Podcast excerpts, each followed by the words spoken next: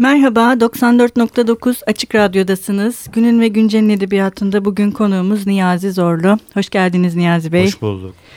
Ee, Niyazi Zorlu 1965'te Bingöl'de doğdu. Ege Üniversitesi Ziraat Fakültesini bitirdi. TRT için radyo oyunları ve skeçler yazdı. 1994'te Yaşar Nabi Nayır Gençlik Ödülleri'nde dikkate değer öykücü olarak anıldı. İlk kitabı Şehir İçi Öyküleri 1998'de Metis yayınlarından çıktı. Bir süre Almanya'da yaşadı, halen İstanbul'da yaşıyor ve çeşitli kitap ve yayınlar için editörlük yapıyor. 2003 yılında da Hergele Aşıklar yayınlandı. Ee, biz programdan önce biraz konuştuk. Ben bu kitabı ısrarla Hergele Aşklar diyorum diye. Benim de çok hoşuma gitti bu evet, fikir. Niyazi Bey'in de biraz. Sever Hanım daha önce söyleseydi hakikaten de üzerine atlardım. Hergele aşklar Herhalde kitabın... çok daha kapsayıcı, çok daha Evet, genelleştirici. kitabın- Olurmuş. Değiştiririz belki bir dahaki baskı. Üçüncü baskıda evet Hergele Aşklar olarak belki I'yı paranteze alıp. Bu arada o biyografiyi okudunuz bir dönem ben Açık Radyo'da da Ne güzel. program yaptım. Binbir Gece Masallarını Hı hı. e, 101 Gece Masalları olarak Hı hı. değiştirip yayınladık. Hı hı. Haber dairesinde çalışmışlığım da var benim burada. Hı hı. Ee, İzmir'den gelmiştim ben. Elimle bir tane kayıt aleti verip beni Hı hı. o zaman önemli bir olay vardı. Metin Göktepe Evet. katledilmişti. Evet. Onunla ilgili bir basın açıklaması vardı. Oraya gittiğimi hatırlarım ben. Bir de bilmediğim bir İstanbul'da, bilmediğim sokaklarda. Böyle bir açık radyoyla ilgili bir gönül bağım var diyeyim. Bir şeyimiz var, hikayemiz var. Ne güzel. Burada sizi yeniden görmek çok güzel. Biraz şehir içi öyküleriyle e, başlayalım istiyorum ben Niyazi Bey. Gerçi yani Hergele Aşıklar'da da e, yani sizin meseleniz her şeyden önce bir şehir. Evet. Şehirle şehirle kurulan bir ilişki. Hatta şehir içi öykülerinde şehirle başlayıp mesela sonlara doğru kent mesela kelime artık şehir yerine kent kullanılmaya başlanıyor. Ee, sanki şehir çok anlamlı ve çok kapsamlı bir şeymiş gibi e, duruyor her iki eserinizde de. Böyle bir nevi ne diyeyim bir uzam mı ya da bir anlatı uzayı içerisinde birçok şeyi kapsayan hani içinde hem tarihselliği bu tarihsellik böyle hani bildiğimiz günlükleştik bir tarihsellik değil de bize gösterilenin dışında işte Hergele Aşıklar'da Çukur, şehir içi öykülerinde Tamaşan Mahallesi'nde eee, ne diyeyim öteki ya da görülmeyeni belki göstermeye çalışan bir şeyin üstünü örten ve o örtüyü hani kaldırılan şehrin belirli yerlerinin eee, kaldırıldığı bir yer gibi mi görünüyor diye düşündüm açıkçası. Ya doğru bir saptama ben şunu söyleyeyim. Ya, şehri bırakın yani ta mahalleye kadar gitmek gerektiğini düşünüyorum ben. Evet. Mahallenin dilinin ben peşine düşmeye çalışıyorum. Burada iki tane kitap görüyorsunuz. Bir tane daha işte bir kitap denememiz var. Konuşmuştuk. Dut diye. Epey deneysel bir roman. Yayın evini de korkutan bir kitap oldu. Yayınlanmadı ama şu an duruyor bir yerde. Yayınlanacak mı? Ya teklifleri açığım. Açık radyo yayınları var mıydı? Açık radyo kitaplar arasında yayınlanabilir belki. Orada mahalle dilim ben peşine düştüm artık iyice belki abarttım. Çünkü şey işte doğduğumuz yer yani şey bütün uzam ondan ibaret. Bütün dünya ondan ibaret. Ben yıllar sonra İzmir'e döndüğümde o mahallenin ne kadar aslında şey küçük evlerin ne kadar küçük olduğunu gördüm. Oradaki bahçelerin ne kadar işte e, evlerin arasında boğulduğunu. E, Yani bir, epey bir şaşırdım ama şeyden vazgeçme hiç niyetim yok. Orada işte tamaş İzmirli dili bile değil. Mahalle dili bir tamaşalıklı dili. Olmayan bir dil böyle bir şey belki. Evet. Ama şey ben bunu işte yaratmanın peşine düşmenin iyi bir fikir olduğuna inanıyorum. Evet, Ya doğru. fikirden ötede hissiyatım benim o yönde. Evet. Ha, onun dışında ben çıkabilen bir yazar değilim. Hı hı. O mahallede dolaşıyorum yani. O Ya- mahallede büyüdüm, doğdum İzmir'de. Herhalde o mahallede de yazdıklarımı bitireceğim gibi geliyor. Bu anlamda şey de önemli. Biraz önce dediniz ya bir mahallenin dili benim için önemli. Hani mahalli dil dediğimizde de o zaman hani yerlilikten çok e, yaratmak istediğiniz şey evrensel bir şey aslında. Çok da böyle o tamaşa mahallesi e, hani bence dünyanın o şekilde yaşayan herhangi bir coğrafyasında da var olabilecek bir şey. Hı hı. gibi geliyor bana diğer taraftan. Hani sadece çok yerli ve kendi içine kapalı bir şey değil. Çünkü anlatmak Ya zaten bana sorarsanız olabildiğince böyle mahalli olan şey evrensel olandır. Evet. Bunun en büyük herhalde örneği de James Joyce diye Ya. düşünüyorum ben. Hı hı. O kadar mahalli olmasaydı o kadar o çevresindeki belki de işte birkaç sokaktan ibaret dili kullanmasaydı Joyce olur muydu ben bilemiyorum. Ha, Joyce olmaya yeltenmek gibi bir küstahlığım yok benim ama ondan bahsediyorum. Ben o dillerden Hı. hoşlanıyorum. Bu dilin peşine koşan insanları seviyorum. Yine az önce konuştuk o Semra Topal. Evet mesela. Çok önemli bir yazar. Onun işte mukaddes e, tenin parçalanması ya da parçalanışı yanlış söylüyor olabilirim. Mu- Muhteşem bir kitabı var. Orada benim bahsettiğim dili tutturmuş. Hı hı. Yani kayıtsız kalmak da mümkün değil. Böyle dili tutturan yazarlar çok iyi yazarlar var ama çok fazla değil. İşte Ayhan Geçkin biliyorsunuz o yazarlardan biri. Evet yani dil işçiliği. Evet. E çünkü bu bayağı ağır işçilik isteyen bir şey. Yani dili Kesinlikle. kurmak, e, dili kurur, kurarken e, kendine has bir ritim yaratmak. Yani çünkü bu dil işçisi olan yazarlarda yani ben kusura bakmayın dil işçisi diyorum. Ya, yani Güzel saptama. e, bu tarz yazarlar için e, şey gibi ritim de önemli bir unsur. Nitekim sizin eserlerinizde de öyle. E, sanki dille uğraşılmaya başlandığında e, ritim bundan bağımsız olamaz gibi bir şey mi ortaya çıkıyor? Ya bir de ben şunu söyleyeyim bu şiir içi öyküleri ben e, öyküye yönelmeden önce şair olmaya çalışmış bir adamım. Ama bunu yine bu kitaplarda iyi kötü bir yere kadar çok mütevazı da olamayacağım. Başarabildiğimi düşünüyorum. Çünkü şiirin peşinden koşuyorum ben burada. Evet o Aa, farkına varanlar oluyor Evet, herhalde. Çok, çok- Ee, ama beni işte öyküye yönlendirdiler. Çünkü şey şiirin kaldırabileceği bir yapıda da çok fazla şey duracak gibi değildim ben. Öyküye oradan sıçradım onu söyleyeyim. Bir iki e, şair abinin yönlendirmesiyle. Evet. Bu e, bir ayağı şiirde işte bir ayağı dışarıda ya da bir ayağı öyküde edebiyatta. Edebiyatta böyle şey kaçak güreşmekten yanayım ben. Çok fazla kendini kaptıran bir tarzım yok. O tarzlardan da hoşlanmıyorum.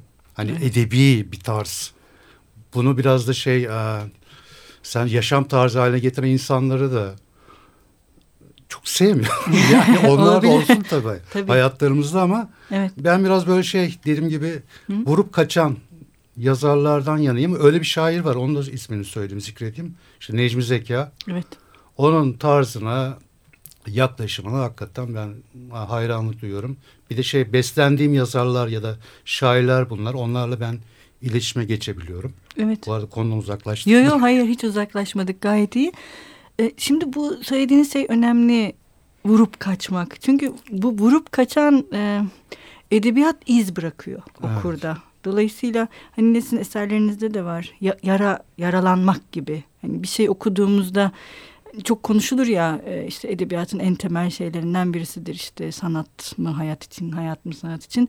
Hani bu tarz eserler bu tartışmayı tamamen yok ettikleri gibi buna e, aslında daha ağır bir şeyi koyuyorlar. Hani o vurup kaçtığınızda e, sizde iz ve yara bırakıyor okurda ve siz de artık aynı kişi olmaya devam edemezmişsiniz gibi geliyor. Mesela bir okur olarak benim e, bu tarz eserlerde hissettiğim şey bu oluyor. Bunun işte sizin biraz önce bahsettiğiniz işte Ayhan Geçkin'de sizde, Murat Uyurkulak'ta, işte Sema Kaygısız'da, e, Hüseyin Kıran'da, e, mesela Şule Gürbüz'de bu tarz yazarlarda hep ben şeyi hissediyorum. Semra Topal'da. Evet, Semra Topal'ı henüz okumadığım için özür dilerim. Çok Ama seveceksiniz onu Onun için e, e, ya onda böyle tabii daha adını şu anda anamadığımız Çok- birçok yazarda. çok pek çok yazar yani tu- şüphesiz Bilge Ka- Hakan Günday var. yani evet Bilge, Bilge olağanüstü bir Evet. yazar hakikaten şey. Soluk işte daha kesici. e- eskilerde Latife Tekin, Bilge Oo, Karasu, tabii. Vüsat Ustalar. Bener yani oralara yani sonuçta oradan beslenen bir damarla geliyor bu edebiyat ve e, okurla hiç ilişki kurmuyormuş gibi gösterip kendisini aslında tam da vurup kaçan bir ilişki yapıyor.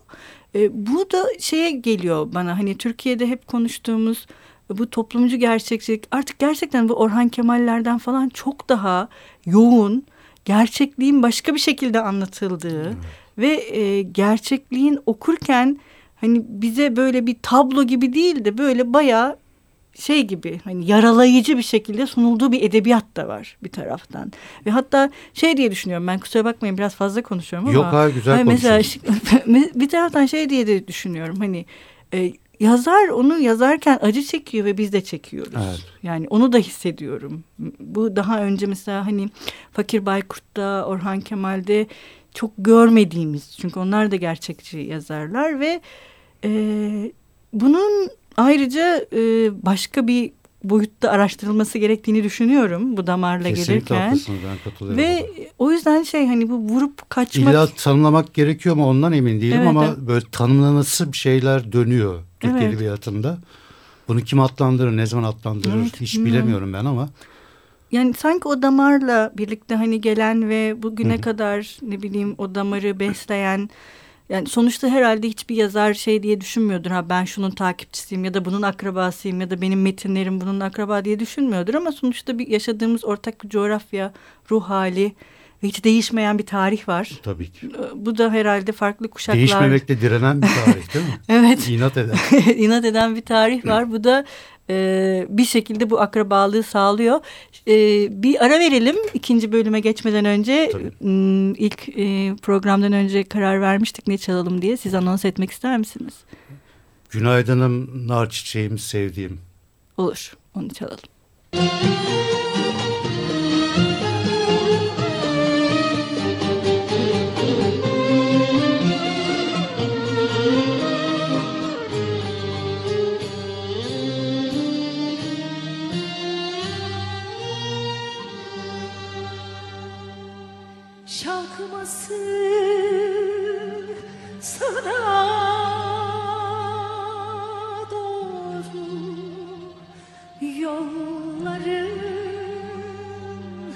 Sana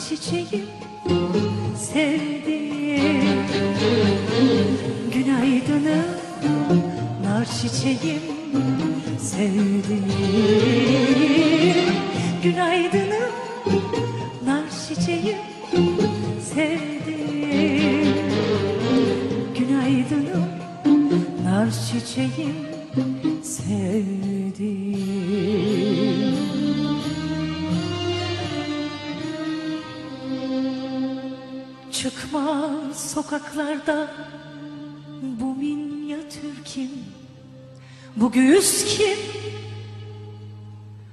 Ya bu gözler, bu saçlar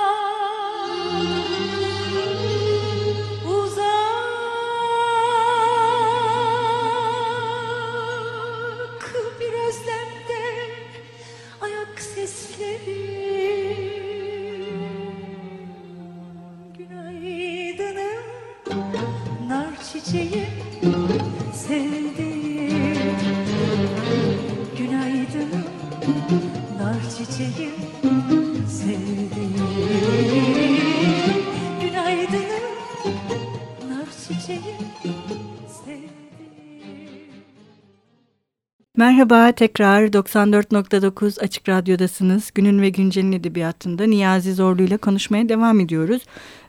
En son bu gerçeklik meselesinin değişmesi ve bunun edebiyatta ifade ediliş tarzının da değişmesine konuşuyorduk. Oradan biraz devam edelim isterseniz. Ben bu şeyi çok önemsiyorum ve çok yani tipik geliyor artık bana. Hani bu tarz bir edebiyatın ritmi hep yani beraberinde getirmesi. Yani ritim ne işe yarıyor mesela sizin edebiyatınızda? Neden böyle bir ritim duygusunu önemsiyorsunuz? Ya ben yazdığım öykümü öykülerde neredeyse bir takım dinlediğim gruplar var. Hı hı. Alternatif müzik yapan gruplar herhalde. Müzikle benim çok çok fazla bağlantım yok ama neredeyse onların ismini vereceğim. İşte şu şu müziğin eşliğinde lütfen okuyunuz. Aa ne güzel. Bu öyküleri diye. o tabii ritmi biz bildiğimiz zaman ve geçiremiyorsak geçiremediğimiz zamanlar da var. Aa, yine konuşmuştuk. Çok şey konuşmuşuz bu arada. Programdan önce. Onu da kaydetseymişsin. evet. Orada yapsaymışız kafede. Evet. evet. Ettiğimiz sohbeti kayıt etseymişiz keşke. Orada konuşmuştuk. Bir öykü göndermiştim ben bir dergiye. Yine şey talep üzerine. O zamanlar Almanya'daydım. A anlaşılmamıştı. Aa, oradaki arkadaşlar ya delirdiğimi düşünmüşlerdi herhalde. İşte cümleleri deli saçması olarak niteleyip hmm. e, kendileri düzeltmeye kalkışmışlardı. Ben durumu anladım. Ben yaparım dedim. Ondan sonra düzeltip gönderdim. O Almanca öyle. değil mi yazmıştınız? Yok, Türkçe yok, mi? Türkçe yazdım. Hmm. Türkçe burada bir a, dergi istemişti. Ya ama işte o ritim önemli ama işte ritmi karşı tarafa geçirmek de herhalde önemli. Evet. Diye düşünüyorum ben. Ama dediğim gibi zaten şiirden pek koptum ben zannetmiyorum. Olabildiğince şey şiire yaslanıyorum. Şiirden beslenmeye çalışıyorum. Çokça da ben şiir okurum. Evet belli. Ee, işte orada o ritimlerden dediğim gibi şey kendi içimde de öykümde de oluşturmaya çalışıyorum ben. Ama bazen şey bu kanırtıcı olabiliyor hakikaten de. Aşırı uçlara da varabiliyor. Onu da itiraf etmem gerekiyor. Ama yine de dediğim gibi bu ritmin peşinde koşmakta ben yarar görüyorum. Evet. Yani ritmi olmayan bir edebiyatta ya da şey bir e, yaratıya da çok fazla e, kendim veremiyorum evet, diyeyim. Anladım. Yani kibar konuşmaya Hı-hı. çalışıyorum Peki, Anladım. Peki yani sanırım bu biraz şeyle de ilgili değil mi? Anlam. Yani anlamak dediğimiz şey ya da işte bir anlamın karşıya ulaştırılması e, bu da çok tabii ki gerçeklikten bağımsız bir şey değil ama hani ritim acaba şeyi mi sağlıyor diye düşündüm siz konuşurken. Hani bu vur kaç dediğiniz şey. Hani ritim böyle bir etki mi bırakıyor? Ya, Şiir de böyle buraya değil Buraya gelirken çok Hı. ilginç bu ritimle ilgili güzel oturacak herhalde. Bir tane şey gördüm. Ee, gözleri görmeyen bir arkadaş gördüm. Vatandaş elinde şey vardı. Ee, değnek vardı. Onu tık tık tık tık tık hmm. tık tık şey işte başka bir yerden oraya şey nasıl varılabileceğini falan düşündüm. Bu arada işte görsellik çok önem kazanıyor biliyorsunuz. Evet. Hatta şey bazı yeni evleri bundan sonra işte kitapların basılmayacağını artık a, görsel bir dünyada evet, kalacağımızı belki şeyde a, internetten bir takım kitapların öykülerin seslendirilip işte oradan ulaşılabilir hale geleceğini söylüyorlar. Belki de haklılar. O ritim, ritim hayatın her yanında var işte onları yakalamak, aktarmak önemli diye Aslında, düşünüyorum. Ve başka bir dil kuruluyor aslında böylece. Ya başka bir dil bir de şey um, nasıl anlatılır onu bilmiyorum da sonuçta şey e, bizim geldiğimiz yerler itibarıyla hı hı. ya da şey geçmişimiz arka planımız itibarıyla biz yoksul semtlerden geldik. Yani yoksul öykülerden geldik. Ama klasikleri okuduk. Dostoyevski okuduk. Flaubert okuduk. Biz onların o yarattığı ya da şey kahramanlar orada dolanan kahramanları alıp ben bunu daha önce de düşünmüştüm. İşte oraya kendi e, Hatice teyzemizi işte Mustafa abimizi Madame Bovary yerine koyabilir miyiz? Çok güzel. Diye düşündüm. Bu Dut öyküsü de tam budur. İşte Madame Bovary Fransa'dan kalkar e, Tamaşalık mahallesine gelir. Orada yaşasaydı orada yaşananları görseydi nasıl tepki verirdi? Nasıl delirirdi? Onun peşine düşüyor mu? Bu ritimden çok güzel bir ritim zaten hala hazırda yaratılmış. Biz bu ritme işte kendimizden neler katabiliriz? Hangi kahramanları biz orada ya da anti kahramanları yerleştirmek istiyoruz, görmek istiyoruz? Herhalde şey onun peşindeyiz gibi geliyor bana. Evet doğru. Çünkü şey ritim yani o Flaubert'in ritmiyle Madame Bovary'nin kimsenin diyecek bir lafı olamaz herhalde. Tabii doğru. Bir de e, yine biraz e, programın ilk bölümünde de konuştuğumuz gibi şimdi sizin de söylediğiniz şey e, çok önemli aslında. Hani bu toplumcu gerçekçilikle bağlantılı olarak yoksulluğun e, anlatılması ve dillendirilmesi. Mağdurların. Evet. Mağdurların yani bütün ötekileştirilmiş her tabii, tür tabii, tabii. E, kişinin hatta sadece e, insanlar da değil bütün varlıklar yani ötekileştirilmiş tüm varlıkların edebiyatın e, nesnesi demek istemiyorum konusu olması. Çünkü bu önemli bir şey yani nesne nesnelleştirilmesi belki ya de güzel zaten. bir şey. Edebiyatın aslında onlara teslim edilmesi. Evet teslim edilmesi. Bu... Yani şey onlara haklarının verilmesi. Çünkü şu an biz e, geri geldiğinde ondan da bahsedeyim. Bir iş cinayetleri almanak hazırlanıyor her yıl.